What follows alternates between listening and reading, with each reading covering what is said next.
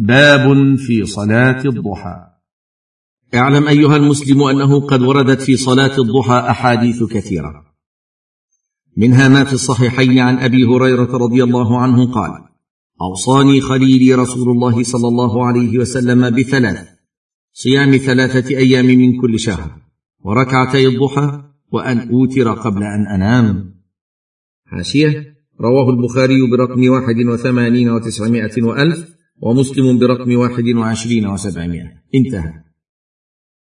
وفي حديث أبي سعيد أن النبي صلى الله عليه وسلم كان يصلي الضحى حتى نقول لا يدعها ويدعها حتى نقول لا يصليها. حاشية. رواه أحمد في الجزء الثالث الصفحة الواحدة والعشرين والسادسة والعشرين والترمذي برقم سبعة وسبعين وأربعمائة وقال حسن غريب. وأبو يعلى برقم سبعين ومائتين بعد الألف. وابن الجعد برقم تسعة وعشرين بعد الألفين وعبد بن حميد برقم واحد وتسعين وثمانمائة وألف. انتهى. وأقل صلاة الضحى ركعتان لقوله صلى الله عليه وسلم في حديث أبي هريرة الذي ذكرناه قريبا وركعتي الضحى. حاشية. رواه البخاري برقم واحد وثمانين وتسعمائة وألف. ومسلم برقم واحد وعشرين وسبعمائه انتهى. ولحديث أنس من قعد في مصلاه حين ينصرف من الصبح حتى يسبح ركعتي الضحى لا يقول إلا خيرا غفرت له خطاياه وإن كانت أكثر من زبد البحر. رواه أبو داود. حاشية. رواه أبو داود برقم سبعة وثمانين ومائتين بعد الألف والبيهقي في الجزء الثالث الصفحة التاسعة والأربعين. انتهى.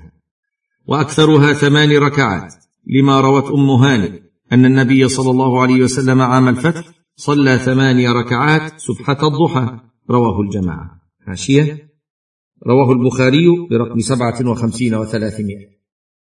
ومسلم برقم ستة وثلاثين وثلاثمائة. انتهى.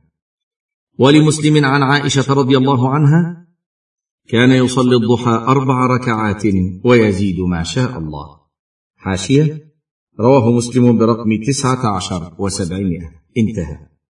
ووقت صلاة الضحى يبتدئ من ارتفاع الشمس بعد طلوعها قدر رمح ويمتد إلى قبيل الزوال أي وقت قيام الشمس في كبد السماء. والأفضل أن يصلي إذا اشتد الحر. لحديث صلاة الأوابين حين ترمض الفصال رواه مسلم. حاشية مسلم برقم ثمانية وأربعين وسبعمائة. انتهى. أي حين تحمى الرمضاء فتبرك الفصال من شدة الحر.